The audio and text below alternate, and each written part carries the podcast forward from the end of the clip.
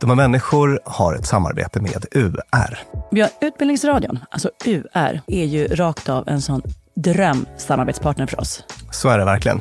Med uppdrag att minska kunskapsklyftorna i samhället. Har du hört något finare? Nej, det är väl typ det finaste man kan ägna sig åt. UR är ett av Sveriges tre public service-bolag och det här uppdraget handlar om att skapa radio och tv-program som fokuserar på utbildning och folkbildning. UR finns till för alla som vill ha mer kunskap.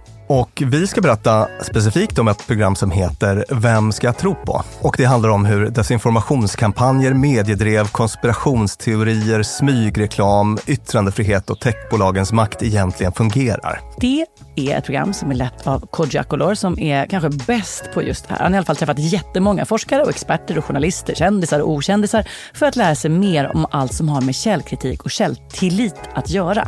Mm. Alltså kort sagt, vem ska jag tro på? Vem ska vi tro på? Det är sex avsnitt som finns på UR Play och sänds i SVT1 onsdagar 21.30.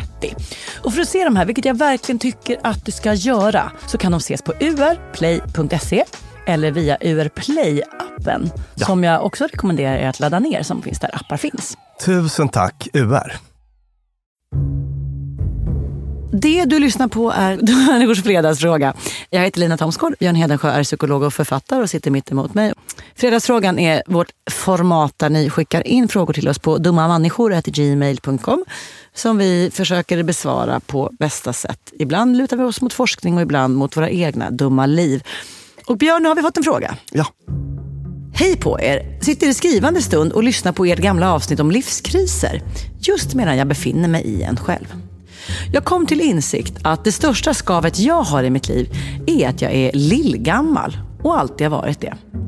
Jag är 24 år gammal och känner igen mig i alla problem jag inte borde. Jag är i mina sammanhang alltid för ung och samtidigt alltid för gammal. Det vill säga, jag uppfylls av eufori efter samtal med 40-plussare och lämnar mina studentfester i existentiella kriser. Kan inte ni lyfta ett samtal om att vara lillgammal? Vad är det egentligen? Tack och kram. Kul och spännande. Ja. Vi har liksom aldrig riktigt pratat om det här. Nej. Vi har pratat mycket om liksom ålder och ålderskurvor, och livskriser och skeenden i livet. Men det har ja. jag alltid pratat om dem ungefär som att man är i synk ja. med sin ålder och mm. kynne, känslor etc. Hur är du? Eller liksom, hur har det varit för dig? Har du liksom varit din biologiska ålder? Har du varit, har du varit i synk? Så här, alla jämnare har alltid varit lite barnsligare. Alltså lite barnsligare. Du tycker att dina vänner har varit lite barnsligare? Ja, jag har tyckt det. De är min ålder generellt. Ja. Lite barns, att man är lite så här, går på krogen lite före dem. Läser lite mer avancerade böcker. Har liksom varit generellt min självbild. Så där. Och precis som brevskrivaren i många sammanhang, så här, man är så här, på gränsen till för ung. Så här, yngst, ung för att göra det här. Mm. Oj vad ung man kan vara för att göra det här. Mm. Det har liksom varit min självbild. Fram tills alldeles nyss när jag vaknade en morgon och bara, nej då var jag äldst. Ja. Då var jag inte längre ung för att vara, eller att de andra var barnsliga, utan jag var rakt av lastgammal. Mm. Och lite för gammal för saker. Plus lite så här korkad och okunnig för att vara 45. Så att, och där, jag vet inte när, om jag någon gång har varit i synk. Det lät någon rolig på Instagram någon gång om att uh, du bad dina vänner att sluta lägga ut bilder på sina mammor på mors dag. När, och farsor på fars, fars dag. Som är jämnåriga med dig. Ja. ja, för det är det de är och det är inte kul. Nej. Och det kan jag blunda för innan de håller på att lägga upp sådana bilder. Mm. Eller ens när de fyller år. Så grattis mamma på 46-årsdagen. Jag bara käft. Sluta upp. Det är du och jag som är jämnåriga, inte din mamma och jag.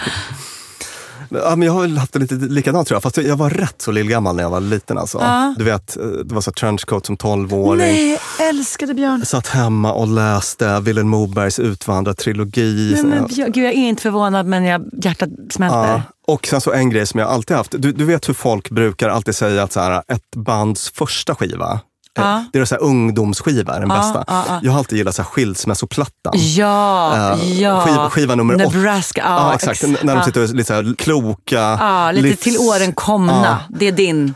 Din type of music. Jag har alltid gillat skilsmässoplattan. Liksom. Ah, inte den vilda ungdomsplattan. Nej, jag liksom relaterade lite grann där. Och det var också så faktiskt när jag var, i, när jag var 24, då var jag också alltid yngst. Mm. För att jag liksom graviterade lite mot lite mer livsvisa ah, människor. Ah. Och vi har ju eh, sådana gemensamma vänner som är 25 men helst hänger med 40-åringar. Ja, och där jag själv gör när jag gör matten. Ja. Jag bara, ah, det här är alltså en ljuvlig person som hänger med någon som är 25 år äldre. Om jag skulle hänga med någon som vore 25 år äldre än mig, då vore det en 70-åring. Ja. Och när vi hänger med 20-åringar så tänker vi, vanlig jämngammal. Mm. Det finns inte en 70-åring på jorden där jag skulle känna vanlig jämngammal. Tror jag? Nej. Eller var det ageism av mig att tänka så? Nej, Det kanske visst finns. vet Jo, jag kom på ja. en. Ja. Marie-Louise Ekman skulle jag utan att blinka. Alltså oj. Eller Ja. Susanne Brögger som jag håller på att läsa nu. Oh, Ja. Hänga med. Precis, men vi kan, vi kan stanna lite i det där liksom, age ain't nothing but a number resonemanget. Ja. För att det finns ju personer som är eh, liksom väldigt Alltså det ligger någonting i det. Alltså, låt mig berätta om den här erfarenheten. Att jag skolade om mig mitt i livet. Alltså jag började på psykologprogrammet som 30-någonting-åring. Ja, ja. Och så kommer man dit och det är massa 19-åringar och 23-åringar och sånt där. Och jag minns i början så var det att då såg jag väldigt mycket ålder. Ja. Men så går det lite tid och då är det vissa som känns som 19-åringar men andra som till exempel ja, ja, men Tanja och Linnea, mina goda vänner, som är mycket yngre men som, som jag helt och hållet upplever som, alltså det finns ingen skillnad där, Nej. tänker jag. Alltså vi, vi bara, där personlighet trumfar ålder väldigt mycket. Och där mognad kan vara så här, inom det här, jävla vilken mognad inom det här rena rama barnet. Just Och det gäller alla. Ja. Och sen har vi andra, alltså min enda idol som är min ex-svärmor, världens coolaste kvinna. Och med henne kan jag prata som med, som med dig. Ja, liksom. ja. Jag har faktiskt ganska många sådana också. Ja. Det är bara att det finns någonting med att de tillhör föräldragenerationen som gör att man inte gör det. Nej, precis. Men sen så finns det de som är direkt gerontofila, Vad betyder det? älskar äldre. Ja, alltså Kasper T. Schaber, hör du mig? Han är så tokig äldre att det är nästan det är osmakligt ibland. Ja, jag har haft en, en tidigare chef som är så offentlig att jag, jag vill inte hänga ut. Det är Nej. väl inget fel på gerontofil egentligen. Nej, då. nej, men men. Mm. hen var det. Och ehm, så, här, så fort man såg hen på en lunchrestaurang så var det med en så här 94-årig diplomat och så. Alltså, Ja, vill, ja. ville bara hänga med dem som Ja. var liksom dubbelt så gamla ungefär. En omvänd vampyr. Alltså su- suga visdom ur äldre istället för att suga blod ur yngre. Ja, just det. Och jag tänker mig att det får oss in på svaret på frågan lite grann. Att Ja. Vissa personer mm, har en sån eh, liksom känslomässig mognad kanske, att det blir lite ointressant att prata med jämnåriga. Alltså man, man, man, typ, man kan dem. Alltså man, Ingenting någon säger här kommer att överraska mig. Jag behöver prata med någon som har levt i 96 år för att få liksom tillräckligt spännande input. Kanske handlar det om känslomässig mognad, kanske handlar det om vad man intresserar sig för. Alltså man kanske, Går igång på samtal där man måste anstränga sig för att hänga med. ja, Alltså att, att det är sånt, att det är inte bara jag är på samma nivå utan det här är, det är bara spännande när det är lite farligt. Ja. Eller, liksom, eller hur? Exakt, att, att man är i den här proximalzonen. Att det, är lite, det här ämnet är lite för svårt för mig. Ja. Alltså, jag hänger nätt och jämt med, jag lär mig massor. Alltså, Ja. att vara i den zonen. Man kanske är en person som känner att samtal behöver vara liksom utvecklande, det behöver komma liksom nya grejer. Mm, sånt som, liksom, erfarenheter som mina jämnåriga inte har. Just det. Mm. För att det ska vara spännande. Alltså att man, jag tänker mig att den här personlighetsdimensionen, öppenhet kanske, att det finns någonting i det. att, att man, är, liksom, man behöver nytt. Liksom, det. på det sättet. Det finns det här begreppet mental ålder. Ja. Det är kopplat till intelligens då, ofta, att man är liksom väldigt långt före sina jämnåriga.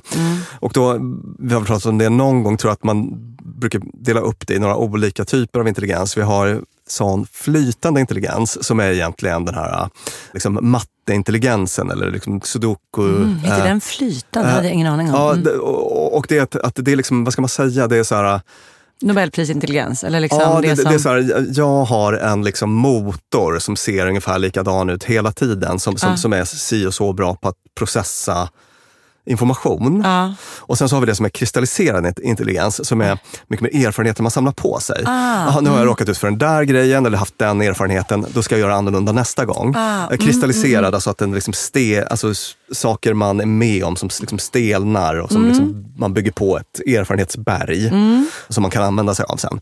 Liksom olika typer av intelligens. Och sen så har man också det här med liksom emotionell intelligens. Alltså, lite mer omtvistat begrepp då, men, Ah. men, men jag tycker definitivt att det har något. För att Ah. Vissa personer är liksom olika känslomässigt utvecklade.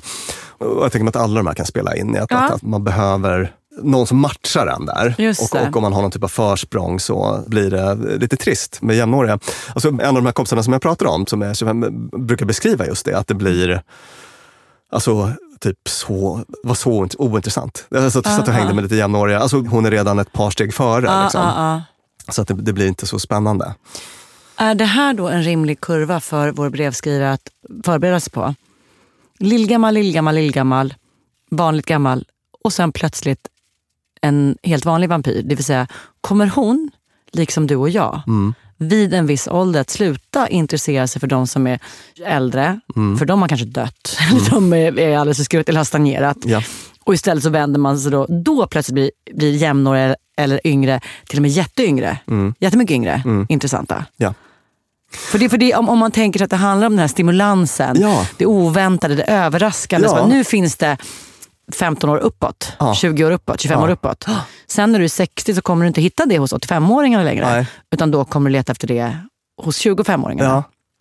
Exakt. De som är lillgamla blir plötsligt gamlilla. Ja, och jag kan väl känna så åt båda hållen faktiskt. Ja. Att jag kan bli väldigt stimulerad av, av att prata med äldre som har varit med om mer, och, men också av yngre som kan ta in nya saker i mitt liv. Men det är ju för att vi är mitt i livet. Ja, vi har visst. Mm. tillgång till båda dem och det är bästa platsen. Ja, precis. Tillbaka till brevskrivaren då. Så precis som du säger så tror jag att det kan vara en sannolik kurva för henne.